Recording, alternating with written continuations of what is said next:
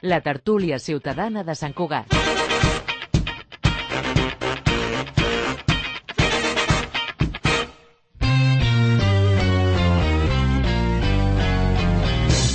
Bon dia, és un quart de 10 del matí del dimarts 20 de febrer de 2024. Us saluda Albert Soler Bonamussa. Benvinguts a la tertúlia ciutadana de Sant Cugat, de Cugat Mèdia, la tertúlia per prendre el pols de la ciutat amb l'opinió del que anomenem Societat Civil Sant Cugatenca. Ja sabeu que totes les tertúlies les podeu escoltar a través de la ràdio, la 91.5 FM, però també a través d'internet, a través de la web www.cugat.cat. Ara en directe, o podeu recuperar-la més tard en format de podcast. Saludem ja, sense perdre més temps, els tertulians que ens acompanyen avui a l'estudi 1. Per un costat tenim a Bernat Vella, periodista del Tot Sant Cugat, bon dia. Bon dia. Toni Samsó, dinamitzador social, molt bon dia. Bon dia. Neus Sotomayor, presidenta de la Unipau, molt bon dia. Molt bon dia. I Jordi Pasqual, periodista del Cugatenc, molt bon dia. Bon dia. A veure, ahir, ahir vam tenir ple, mm, diguem, tres dels que estem aquí vam estar bastant pendents del, del ple i de tot el que, va, el que va passar. Un dels temes que es va aprovar i segurament va tenir més més ressò i, i bueno, més importants dels que es van a, aprovar va ser eh, l'abandonament, diríem, de Can Maristany, on actualment s'ubica el Centre de Divulgació Expositiu d'Art Contemporani. Real, exactament, o sigui, sis mesos abans d'abandonar l'equipament, diríem, l'Ajuntament havia d'avisar els seus propietaris i, per tant, s'ha hagut de fer aquest, aquest pas.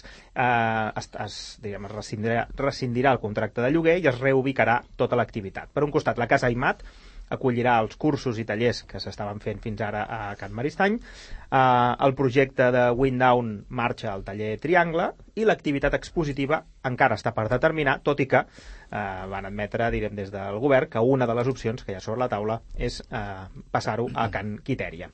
Eh, com deia, el ple municipal va aprovar ahir aquesta rescisió del contracte, però només amb els vots del, del govern, de Junts i d'Esquerra.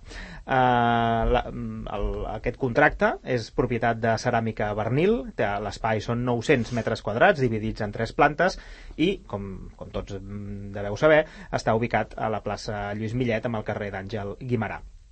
L'objectiu no és altre que deixar de pagar el lloguer i les despeses associades a aquest centre.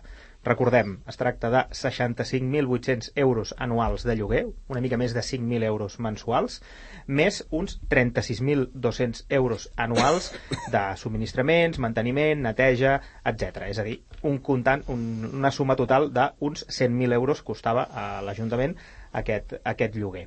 Um, ahir, a més a més, a l'audiència pública del ple, una representació d'artistes de la ciutat van anar, diguem, van fer com una caminada des del Centre d'Art Can Maristany fins a l'Ajuntament per queixar-se d'aquesta decisió i de les retallades en cultura.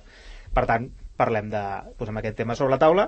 Per un costat, en si mateix el que significa el tancament de Can Maristany i les queixes de, dels artistes, però segurament l'altre, i com van posar molt sobre la taula eh, els partits polítics, és ostres, potser alguns ni ho sabien, estem pagant 100.000 euros a l'any uh, per, aquesta, per aquest equipament. Quan tenim equipaments municipals buits doncs poso això sobre la taula i agafeu el fil que vulgueu estirar. Vinga.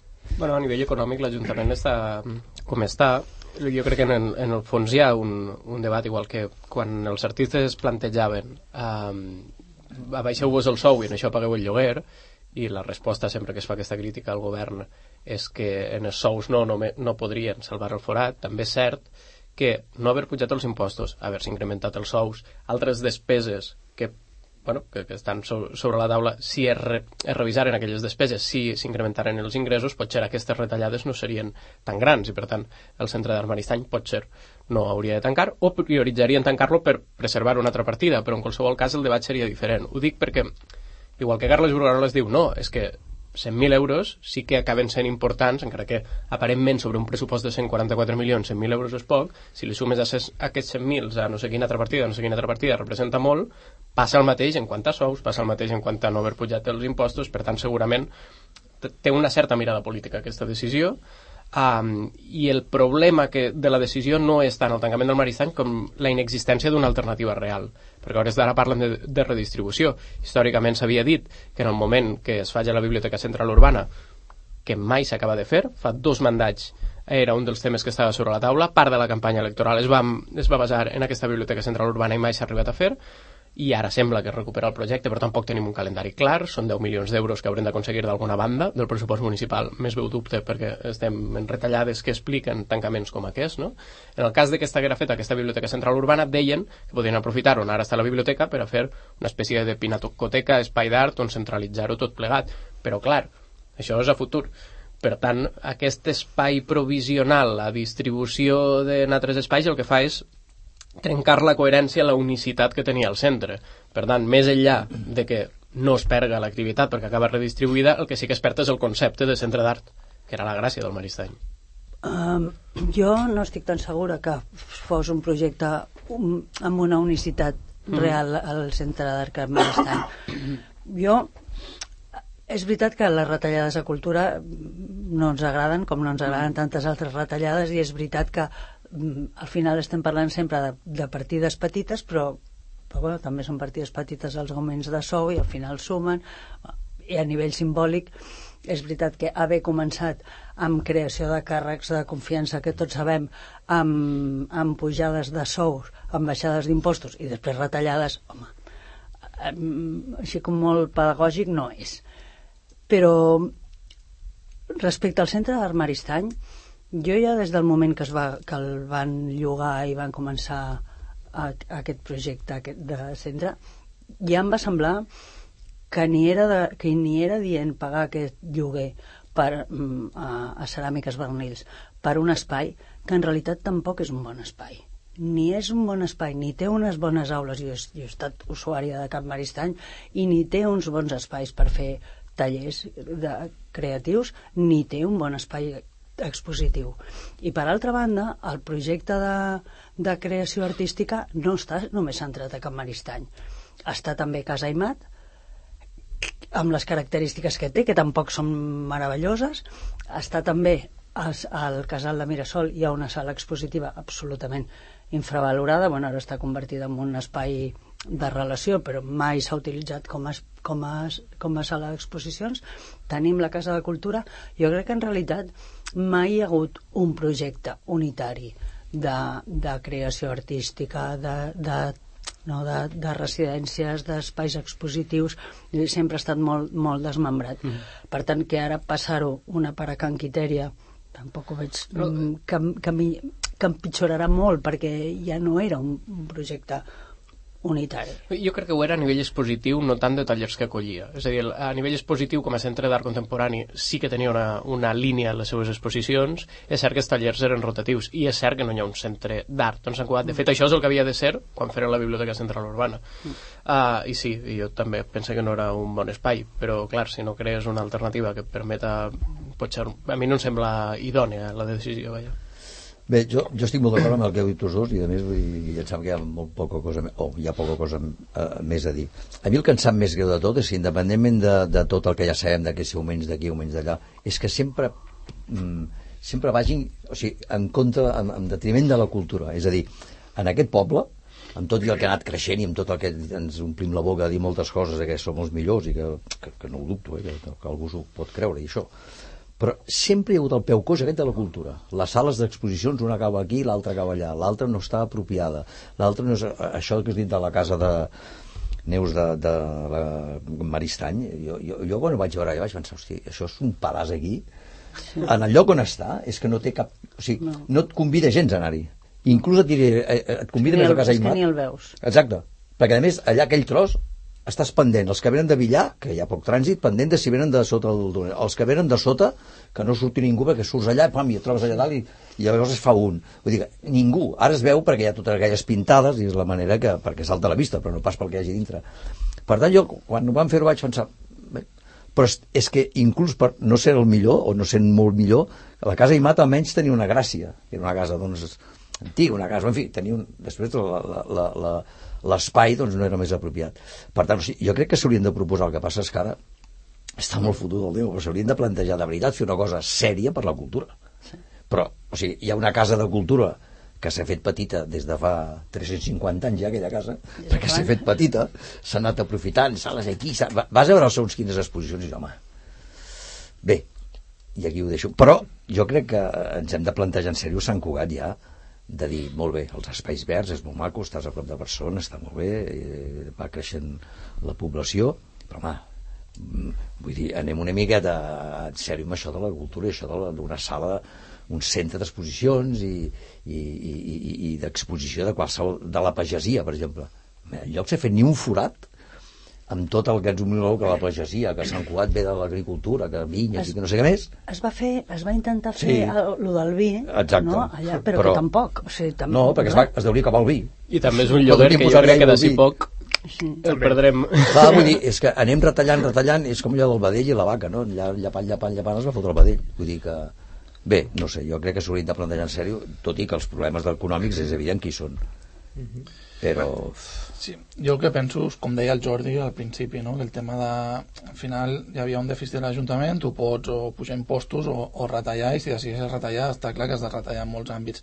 Hi haurà gent que dirà, doncs prefereixo que pugessin impostos i mantenir tot això. Hi ha gent que dirà que no, que prefereix retallar moltes coses i mantenir els impostos tal com està. Això cadascú, però bueno, sobre el tema de Maristany, co- coincidint amb el que dieu, sí que potser val la pena pensar eh, si Sant Cugat val la pena que hi hagi un gran centre d'art o potser, com, com dèieu, pues, a Casal de Mirasol dedicar, per dir alguna cosa, l'art contemporani, aprofitar quasi una floresta per fer això, a Torre Negra, dedicat a la pagesia, que jo crec que val la pena que en una ciutat com Sant Cugat, potser més que plantejar una gran infraestructura dedicada a l'art en general, com podria ser la Biblioteca Gabriel Ferreter, doncs pensant descentralitzar també una mica el, les propostes artístiques i, i per intentar pues, que siguin potser projectes més petits, que no siguin de tanta envergadura i que no sigui el millor centre d'art de Catalunya, però que sigui pues, més, a, més a, que s'apropi més als, als veïns i a, i a les comunitats no? vull dir, no veig molt sentit que la Casa de Cultura es converteixi en un gran centre d'art i després a la floresta pues, el casino de, de la floresta estigui mort de riure i no el deixin ni obrir els veïns o sigui, ni per una cosa ni per l'altra o sigui, jo crec que potser igual que s'ha fet amb, els, amb la xarxa de centres culturals polivalents amb les propostes més escèniques, doncs potser amb l'art seria una cosa a estudiar. Jo no crec que potser calgui tenir el millor centre d'art de, de Catalunya, sinó propostes més de proximitat. Molt bé. Doncs eh, aquest tema veu, veurem. En el fons, la cua, sempre, eh, diguem, anirem parlant d'altres temes que aniran apareixent, perquè no, tot el debat parteix del mateix, que és el que deies tu, Jordi, no? és el tema dels ajustos pressupostaris. Per tant, Clar, però a nivell de lloguers pot arribar a tindre implicacions importants, eh? perquè és cert que si vols un centre d'art en Maristany es pot més o menys redistribuir, si decideixen deixar de pagar el lloguer del, del Vilap, hores d'ara està totalment infrautilitzat, jo crec que ha anat un acte en els últims tres anys, vull dir que i segurament se'n fa algun més perquè no tots convoquen a la premsa, però uh, són pocs, però després n'hi ha altres lloguers que representen molts diners per a l'Ajuntament i que a hores d'ara segurament no poden prescindir, però si no queda més remei, si retallen generen un problema. Pensa, per exemple, en el lloguer d'instal·lacions esportives a, a escoles concertades i privades. Podem estar més o menys d'acord en que es faci un pagament que acaba sent d'uns 150.000 euros anuals a diverses escoles concertades o privades, però és que és cert que no tenim equipaments públics suficients per acollir aquests, aquests equips. Per tant, si acaben retallant en alguns llocs en què realment hi ha un ús uh, que no té alternativa, llavors sí que començarem a patir més. En aquest cas, entenc uh, la mobilització que va haver ahir, no crec que el govern canvi d'opinió, veurem què diuen en la reunió l'alcalde que es va comprometre a fer, però crec que quedarà en una reunió de d'acord, no estem d'acord i ja està. molt És que, més, i, i un apunt només. Jo crec que tot acaba, al final, en el sac aquest de que és que el pressupost, és que no hi ha pressupost, és que hi ha aquest forat que hi ha, que és evident de que hi és i que és greu, suposo, no ho sé. Jo no sóc de matemàtiques, no ho he sigut mai ni quan estudiava, o sigui que... Però clar, quan et parlen dels milions que hi ha penjats, dius, ostres, però clar, jo no sé quant, temps- quants anys fa que estem amb, amb dèficit, perquè l'Ajuntament deuen ser deficitaris. és- 2022 va ser el primer any Bé, que va doncs- tindre el resultat negatiu. Va, doncs, doncs eh, però vull dir que jo no sé si també eh, es va molt a, que, que no és que sigui una excusa perquè és cert que no hi ha calés però, però potser no sempre serà doncs, eh, no, no es pot fer perquè jo ara llancem una tonteria vull dir, una cosa que potser és una tonteria eh? però jo no sé si tenint l'espai que tenim, no sé com estan les negociacions i que paguen de lloguers o no paguen de lloguers. Tenint l'espai de, del mercantic que hi ha unes naus allà impressionants. No sé si allà es podia muntar un, un, una part del- del- d'un museu del que sigui, de pintura, d'aquí, d'allà, d'estils, no sé, però vull dir, tenim un espai allà, clar, després aquí entrem a negociacions perquè clar, també és, És també és vernils va començar per aquí. Veus? Te'n recordes? Que va, haver- uh, de fet, quan es, van, quan es van treure els tallers artístics de l'escola d'art, Mm. saps això que li diuen, ara no me'n recordo, però els, els tallers oberts que es feien independentment dels, de les, dels, dels estudis reglats a l'escola d'art, es van intentar portar um, allà, a Mercantic. I es va incendiar una nau, te'n sí, recordes? Sí, sí, sí. Doncs llavors, com que es va incendiar, es va descartar, perquè llavors es va veure que igual els problemes de seguretat, també hi havia el tema del desplaçament, però hi havia, jo crec que sobretot va ser el desencadenant el tema de l'incendi, que, bueno, pues, va entrar com a, bueno, pues igual aquí, pánico. igual aquí no és el lloc adient per portar un, unes activitats municipals, i llavors se li va llogar al, Al Maristany, al Maristany, que també era d'ells. que també era d'ells. Per tant, a tot quedat a casa. Però clar, de totes maneres, o sigui, el desplaçament és, és fora del poble, molt bé, o està a les afores. Bueno, ara Tampoc ja afores- tan lluny, eh? Exacte, ara això de les afores és molt relatiu, però tens molt lloc per aparcar allà dintre. O tens bastant lloc per aparcar. Doncs un Home, hi ha el pàrquing. Futbol, camp de futbol, potser, eh, que, No, no, no, que- que... que en tanquin durant la setmana. No, també, no, no, no, no, no, no, el camp de futbol també és un altre tema que se'n podia parlar, però bé, jo no vull entrar. tam- ta- també hi ha un autobús, eh, no cal anar en cotxe. Exacte, exacte, i a peu. A pe- a peu s'arriba en 10 Bé, minuts. I a més, ten, ten, bueno, hi ha el pàrquing ell de més enllà de després de, que, hi ha, que, que hi ha espai. Bé, no sé, però tampoc hi ha lloc per aparcar i tampoc és fàcil anar a, a, a, a, a Emat, a, la- a casa Emat, perquè, perquè a més allà no pots aparcar lloc, o sigui que no portis, portis el cotxe plegable no... I sobre el forat econòmic, eh, ens falta la liquidació del, pressupost del 2023, que en un principi és el mes vinent, i és quan realment podrem veure com s'ha tancat l'exercici, perquè ara anem dient coses, podem tindre una certa idea en funció del que s'ha anat explicant, però no sabem exactament com s'ha tancat el 2023 i per quin motiu, perquè també és cert que algunes de les subvencions que s'havien de donar el 2024 s'ha decidit passar-les al pressupost del 2023, això evidentment el que farà és que el dèficit del 23 siga més alt i que el 24 tinga menys dèficit perquè ja s'han donat les subvencions.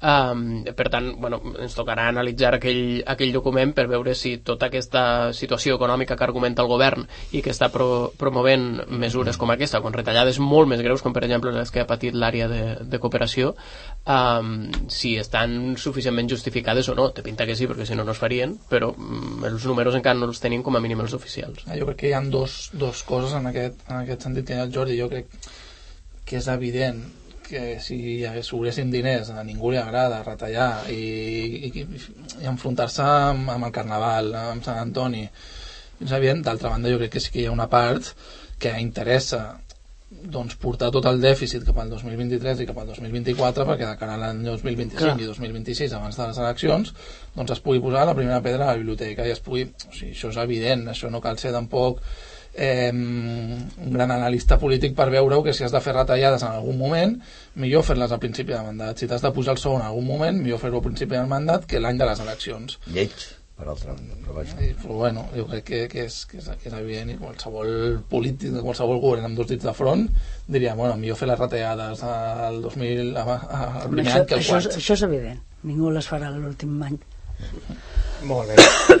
doncs, eh, direm, eh, la primera part del ple d'ahir, el, el tema més important va ser, va ser aquest, de tots els que es van aprovar. Tot això va durar uns 40 minuts. Eh? De, tre, de les 3 de la tarda a les 3 i 40, aquesta, aquesta part del, del debat, sobretot centrat en, en Can Maristany. Després, a partir de les 3 i 40, va començar les mocions. I aquí ens hi vam estar una bona, una bona No estona. t'enfades, no t'enfades. M'enfado, m'enfado, em sap molt greu, em sap molt greu perquè és que... I a les 3 de la tarda la gent no s'adorma que en aquesta hora fer...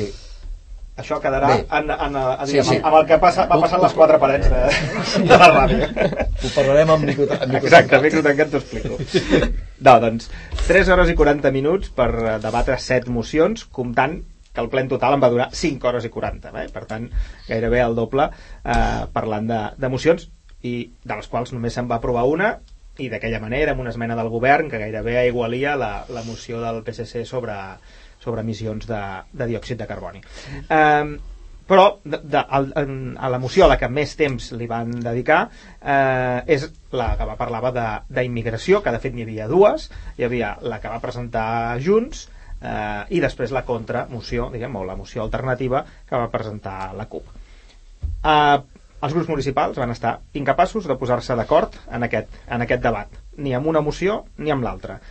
Junts, per un costat, es va quedar sol defensant la, la seva, que reclamava que Catalunya tingués les competències en, en immigració, les competències que té l'Estat ara mateix en immigració que, que els hi traspassessin o, o deleguessin, i a més a més demanava també els exigir drets i deures, entre els quals els immigrants, entre els, eh, entre els quals la integració que passaria per aprendre, aprendre a parlar català.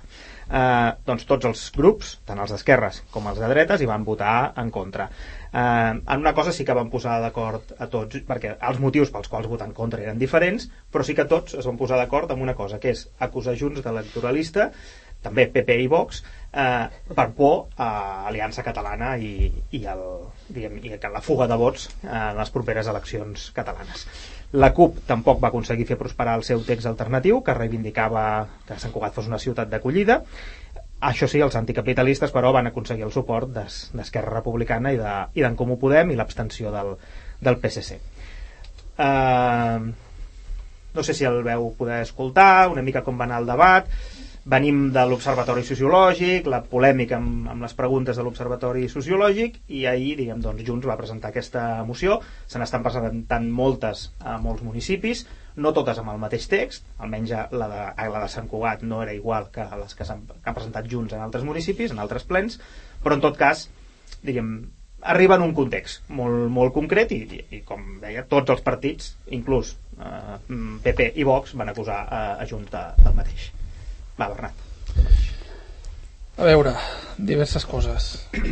A mi m'agradaria fer la, la reflexió de, sobre aquest tema de la immigració, que ja se n'ha parlat bastant, si, si és millor eh, tenir raó o guanyar.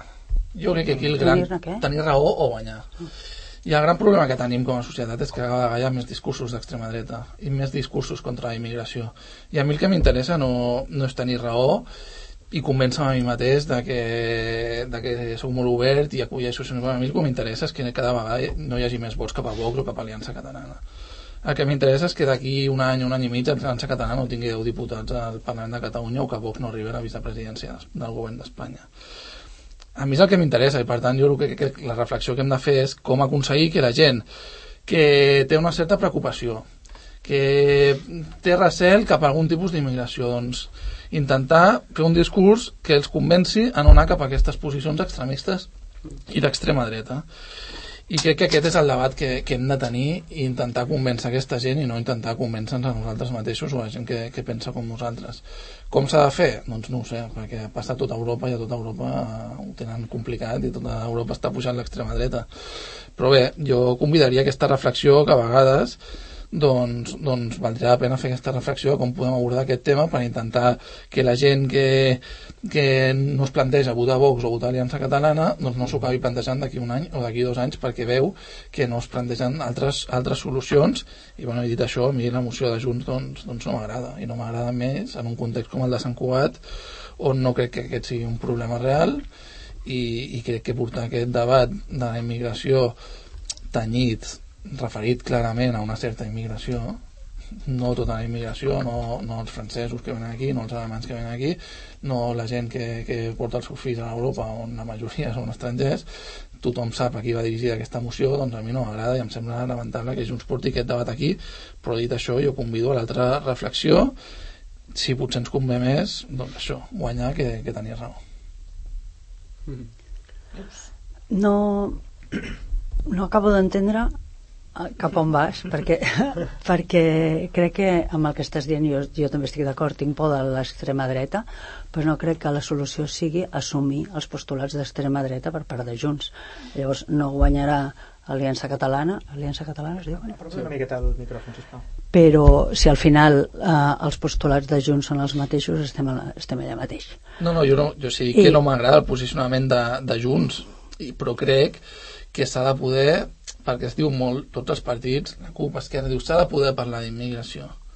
Però després sembla que, que, que no es vulgui parlar de tot en relacionat amb la immigració. Jo crec que és important ficar-nos en el cap de gent que potser pensa que, bueno, que, que hi ha masses immigrants i s'ha de poder dir això, que hi ha gent que pensa que això. Clar, però per això el que no crec jo, eh, el que no es pot fer és assimilar i, a, a, i a, alentar els discursos d'odi, no? A, assimilar immigració amb delinqüència, a més, un tipus d'immigració, clar, és un molt concret. Sí, sí. Jo no crec que això ens pugui portar enlloc, no? I entrar en aquests debats al ple és encara més fomentar que, que aquest sigui un debat que estigui al carrer i que, no, o preguntar això en l'observatori mm, sociològic quan sabem que aquí no tenim un problema. Ni tenim un problema d'immigració ni tenim un problema molt menys associat a la delinqüència. I que no, jo no acabo d'entendre cap a on va Junts, la veritat.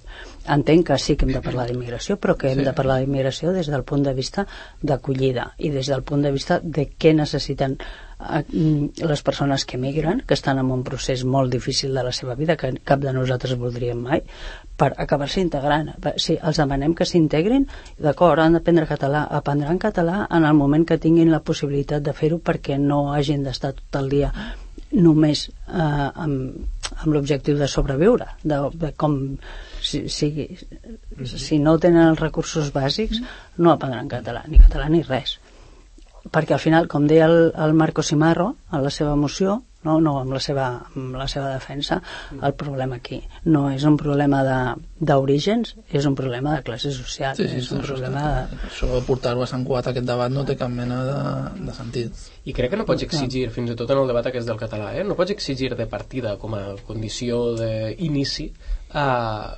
certes, uh, certs aprenentatges com podria ser el català que tenen el seu grau de complexitat a persones que no saps quin ha sigut el seu procés migratori i que tenen, segurament fins i tot poden tindre traumes per la migració, gent que ha vingut en pastera, gent que ha perdut la família pel camí. Uh, prou difícil és quan nosaltres anem a un altre lloc a viure i ens hem d'acabar d'adaptar a un idioma i vivim una migració que hem pagat un bitllet d'avió o de tren i, i ja està, i tan tranquils com per exigir-ho a gent que pot tindre eh, una situació vital diferent. Per tant, eh, el que calen són recursos, el que cal és fer la mirada d'integració, és a dir, quines polítiques apliquem, però a mi em dóna la sensació que quan posem tot això sobre la taula, com hi ha, hi ha un estereotip previ, um, hi ha un cert sector de la societat que ja està encasillat allà mateix i que no els convencerem, com tampoc aconseguim convèncer-los en les dades. Quan fas una anàlisi de les dades de migració i de delinqüència de Sant Cugat, de l'àrea bàsica de Catalunya, i és més que evident que no només no, no s'ha incrementat la, la delinqüència quan, quan ha pujat la migració, sinó que fins i tot en algun moment ha baixat i que s'ha mantingut molt estable. A més, en un moment en què la població de, de Sant Cugat i dels municipis del seu entorn ha crescut molt, no només per, per la migració d'altres països, eh, els és igual. O sigui, sembla que no, Sí, sí. no és útil, perquè estan... Jo crec que el, el, el seu posicionament polític naix més des d'una qüestió de ferida emocional quasi que no de convicció po política reflexionada perquè es senten amenaçats per coses que segurament no, no tenen eh, la culpa als migrants però és la forma de o tindre un culpable no? percepcions o missatges que els han arribat o percepcions però bueno, jo crec, és veritat que hi ha gent que no el convencerem mai Sí, sí. però jo crec que hi ha, un, hi ha graus al final. No, no, eh, hi ha gent que, bueno, pues que pot, pot estar allà que, que no s'imagina. Votant Vox o Aliança Catalana però potser necessita algun tipus de pues, explicar això de l'acollida missatges de, de què es fa amb les persones parlar que no és un problema d'origen sinó de, de classe social, com es diu però bueno, jo crec que és un debat i que bueno, es veu a tota Europa, al final tampoc res és exclusiu d'aquí i no s'està fent bé perquè tota Europa està pujant l'extrema dreta. I jo prefereixo fer discursos que afrontin aquest problema i no discursos que, que a mi em permetin pues, anar dormir més tranquil. El, el, només un detall Sí, sobre, sí. sobre això. El dia que vam fer el debat amb els polítics o arran de l'Observatori Sociològic el dia de la tertúlia del, del Gall del Monestir um, se li va retreure això a Jordi Puigneró que va venir en representació de, de Junts per defensar la, les preguntes i ell va dir una cosa que va dir diu, entre la, diríem, la, la, la, les propostes sobre immigració de la CUP i les de Vox hi ha un camí del mig i aquest és el que volem representar. O sigui, una mica és el que ell va dir en relació a això i el de posicionament de... Junts, jo crec que la moció de Junts va més al camí de Vox que... Sí. O sigui, jo no em refereixo, jo, jo no em refereixo a aquest camí, sinó bueno, de, parlar-ne més del tema, Mhm. en definitiva, amb dades i amb informació. No, no crec que sempre el camí del mig et porti al millor lloc.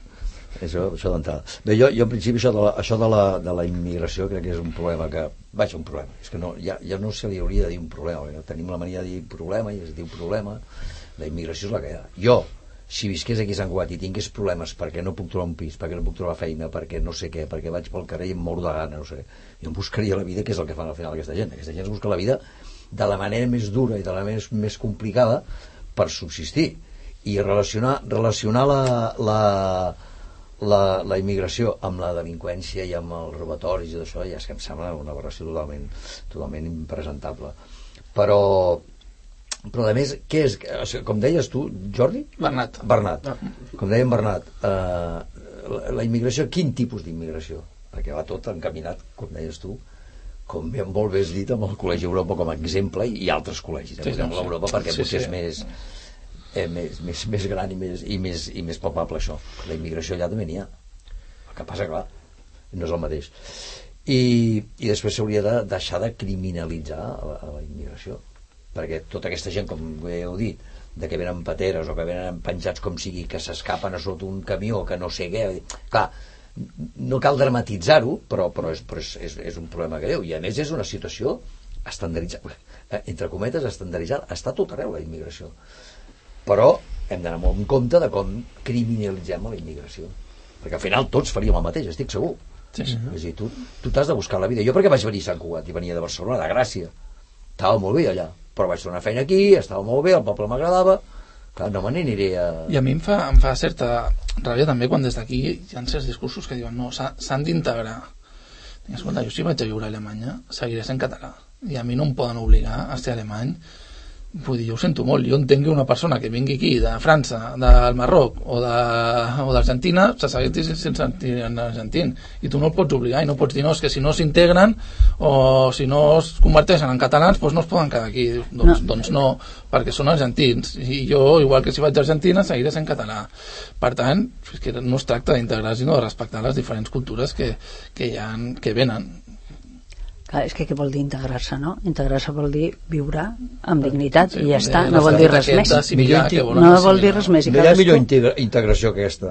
Tu vius viure clar, amb dignitat tu vius amb dignitat i tindràs la cult i, i ningú et qüestionarà, ningú et preguntarà si menges porc, si portes, si vas a missa o si... Sí, per això és el que dic que a vegades sembla que sigui No, que es parla català o, i no vull dir, al final... Però és que a més, quan tu vius en un lloc, inevitablement agafaràs coses de la cultura acollida i no renunciaràs a la teua. I si eres argentí, beuràs mate mentre menges calçot, jo què sé, és que no, no té Ostres, més quina importància. barreja, no? No, bueno, però, I mal de ventre, va agafar ja tant ho amb I, no? És que... i, I per altra banda, del que no parlem mai és de la necessitat que tenim de les persones migrades. Mhm. Perquè al final estic segura que la majoria de persones que estaven ahir al ple tenen alguna persona d'origen, el que sigui, Sí, sí. a casa seva, Sí, ajudant amb sí, sí, les sí, feines sí. de casa, a cuidar Sí, sí, criatures, a cuidar persones grans, què faríem si no, si, si no estessin aquí, no? El que passa és que mm, també també són molt racistes no? amb, amb, amb l'origen de les persones migrades. Quan clar. venen d'Amèrica Latina i arriben amb avió, eh, ja no ens molesten tant, perquè són els que faran les tasques, no? Si tenen diners, tampoc, eh, que llavors no ens molesten gens. I si són musulmans, ens molesten una mica. Sí, més que de l'origen fins i tot la classe social, Sí, sí. el que dius, doncs eh, un immigrant pobre doncs em molesta més que un immigrant ric, perquè, bueno, perquè si ve un xeic a, aquí no, però a Anglaterra i compra un equip de futbol i vinga milions, doncs em sembla perfecte. I aquí el que molesta és la pobresa i el que determina la delinqüència. No és, no és la classe social sinó ai, no és l'origen sinó la classe social. Jo crec Tu en la, contra, en la, no, en la contracrònica d'avui, parlaves això de, de, de que, en que la renta per cap, no, la renta de les persones migrades d'origen No, això era la notícia que va publicar la Laia, la companya del Cugat en Cair. Sí, sí. Era un anàlisi de les dades de migració i és curiós el cas de Sant Cugat, fas bé d'apuntar-ho perquè és molt curiós. És dels pocs municipis on els ingressos de les persones estrangeres és un 9, pràcticament un 10%, 9,9 crec que és, superior als ingressos de les, de les persones de nacionalitat espanyola. Quan això ho mires en anàlisi de Catalunya, i la bretxa és molt més elevada i just a l'inversa, no? Bueno, també parla de quin perfil de migració tenim així.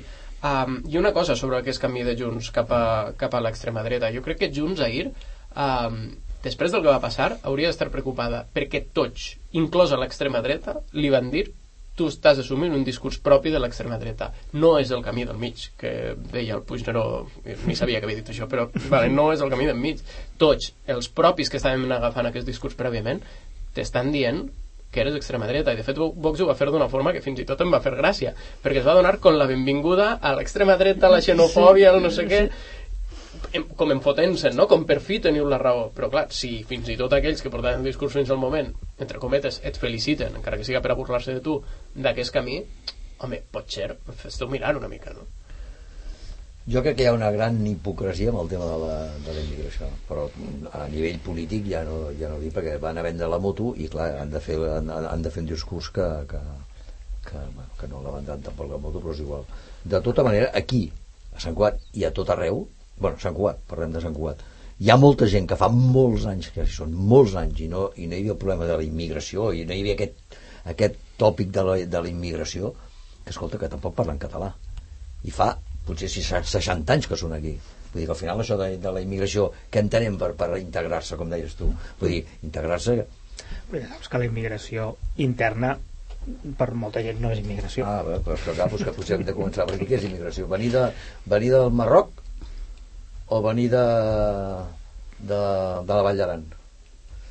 O la Iglesia Sí, jo com deia el Jordi, doncs Junts hauria de reflexionar si, si li interessa amb ell que és el que mira cada partit, o li interessa al país, o li interessa a Sant Cugat en aquest cas, portar aquests debats, que sobretot en el cas de Sant Cugat és un debat artificial, i, i bé, que és un discurs que va cap a l'extrema dreta i no crec que aquesta sigui la solució, però sí que crec que, bueno, que s'ha de buscar entre totes les forces polítiques que no siguin de, de clarament d'extrema dreta doncs intentar teixir un discurs per evitar que, el que està passant en altres, en altres jocs d'Europa i una petita derivada d'això, més, més de política local, que és eh, Esquerra es va tornar a desmarcar de, de, de Junts, abans hem dit que tots van votar en contra, incloent-hi Esquerra Republicana, i no sé què us va semblar el Bernat i Jordi, però segurament el discurs d'Ester de, Madrona va ser bastant contundent i bastant dur, més que qual, les altres vegades que s'havien desmarcat, no? És a dir, mm, bastant bastant dur, no sé, és política evidentment, eh, etc i tota la interpretació que volem fer, però, però vaja, no sé si ho interpreteu d'alguna manera. Jo és que crec que hi ha algú que està intentant tensionar des de dins al màxim el govern, aquest algú es diu Jordi Puigneró, uh, ho va fer l'Observatori Sociològic, que és el primer moment en què Esquerra Republicana... Uh, eh, perdona, que no, no se't sent. No funciona. Ara, ja està, ja està. Ara, ah, sí. Ara sí. No sé, no s'ha sentit res, o no? Sí. Dic que, que hi ha algú que està intentant tensionar el, el govern des de dins, jo crec que és Jordi Puigneró, responsable de l'Observatori Sociològic, quan va esclatar aquell, aquell, afer, aquell afer, Esquerra Republicana va treure un comunicat molt crític amb ell acusant-lo de deslleialtat directament. Aquesta moció cert que va ser defensada per Carme Adit. No està malament utilitzar la teua regidora més cremada de totes per a la moció polèmica, així si l'acabes de cremar ja s'ho farà, no? Um, però... És una manera també de sí, no? sí. Uh, però al final um, Esquerra està mostrant aquests posicionaments, jo crec que cada vegada una mica més clars, però a hores d'ara no veiem un canvi real en el govern, és a dir, la capacitat d'influència perquè no passen aquestes coses a hores d'ara no es veu. Jo entenc que Esquerra està jugant a molts equilibris, no són el grup majoritari, eh, han intentat preservar algunes coses i has de cedir en altres, això crec que tots ho entenem en el marc d'un govern bipartit. Però, torna a dir, com he dit en altres tertúlies, de portes en fora dona la sensació que Esquerra està cedint molt i aconseguint poc Llavors, no sé si aquesta tensió interna, més la tensió externa de les esquerres que interpel·len Esquerra, eh, dient no entenen què fas així dins, s'haurà de transformar en una cosa més contundent, que en el cas extrem seria trencar el govern, però com a mínim Uh, no sé, demanar explicacions, poder presentar mocions més crítiques com està fent Junts per la seva banda per a tensionar el govern i evidenciar les diferències, no sé, si no sembla que estan allà eh, en males cares i de tant en tant amb alguna rèplica bona però sense massa més conseqüències. Jo crec que si ho mires des de fora, sense saber que aquest govern és de coalició entre Junts i Esquerra i et diuen que és un govern de Junts, perfectament podria ser. O sigui, digueu-me alguna mesura que s'atribueix a Esquerra que no es toqui res en, en retallada social eh, de partides directes d'ajuda a les persones. Bueno, això pot estar d'acord eh, potser el PP també, tampoc trauria beques menjador abans que treure cultura, saps el que, el que et vull dir? Però tu veus des de Junts, avui centre, fora, han anat i se'n parla. Eh, la mirada ja, ni parlem, també és un tema diferent potser, perquè per tot el tema judicial, però la mirada ja des del primer dia que, que volia dir que no hi havia alternatives. O sigui, els grans temes que defensava Esquerra i defensava Esquerra directament, no el PSC o no la CUP, sinó que defensava Esquerra s'han esborrat del mapa i, i, i no sé, doncs això és un govern de Junts que, que Esquerra doncs, li, li, li dona els vots. Jo és la sensació que tinc, des de dintre no ho sabem si hi ha algunes coses que, que Junts hagués fet diferents, però jo és la sensació que tinc. Sí, jo per mi, jo tinc la mateixa sensació que a Esquerra no està dins del govern, està a l'oposició però estan en allà cobrant un sou de regidors però que són absolutament irrellevants Mm, Llavors, la veritat és que no, no entenc. Espero que algun... jo- crec eh, que potser hi ha un moviment intern que en algun moment faran, mm, no sé, mm, posaran les coses sobre la taula i, i començaran a, a prevaldre una mica el- els seus postulats, però és que si no és el que tu dius, no.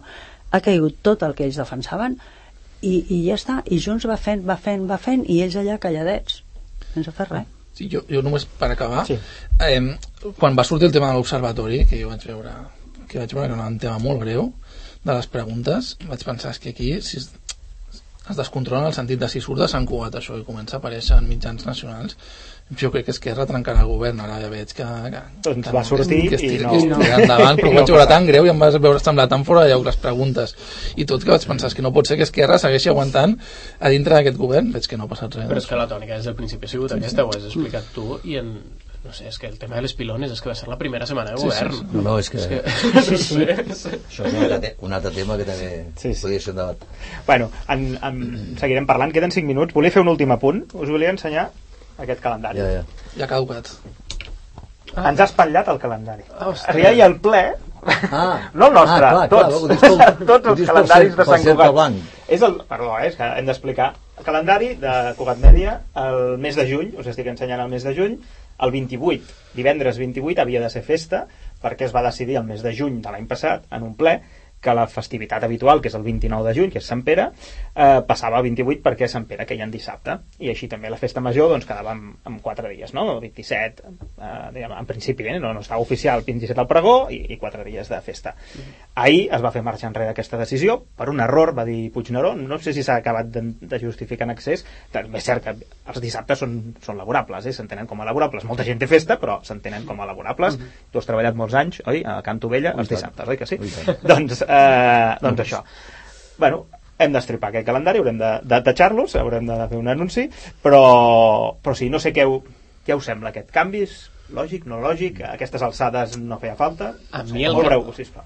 El canvi em sembla estrany. Sí. I em sembla estrany que en el ple es diguera ha sigut un error i ningú ho qüestionara. A partir d'ahir, si el 29 és Sant Pere i es vol mantenir el festiu el dia de Sant Pere, em sembla bé. També tenia sentit passar-lo al divendres, però el que no entenc és el canvi de criteri a, a mitja partida, diguem. Però, Clar, però aleshores... Però... Però- ja era aquest govern, és a dir, el que Sí, va fer sí. el canvi és aquest Però govern. això vol dir que llavors la, la, potser és un tema econòmic també, potser és que si treus el 20, si el 28 és laborable eh, la festa major queda de 3 dies i no de 4 És que si ja retallen la Entenc festa que- major... Aquesta és la meva teoria, que Va, veurem, aquesta- veurem si es confirma. perquè jo, jo també vaig pensar que era aquesta la raó perquè si no Oficial no.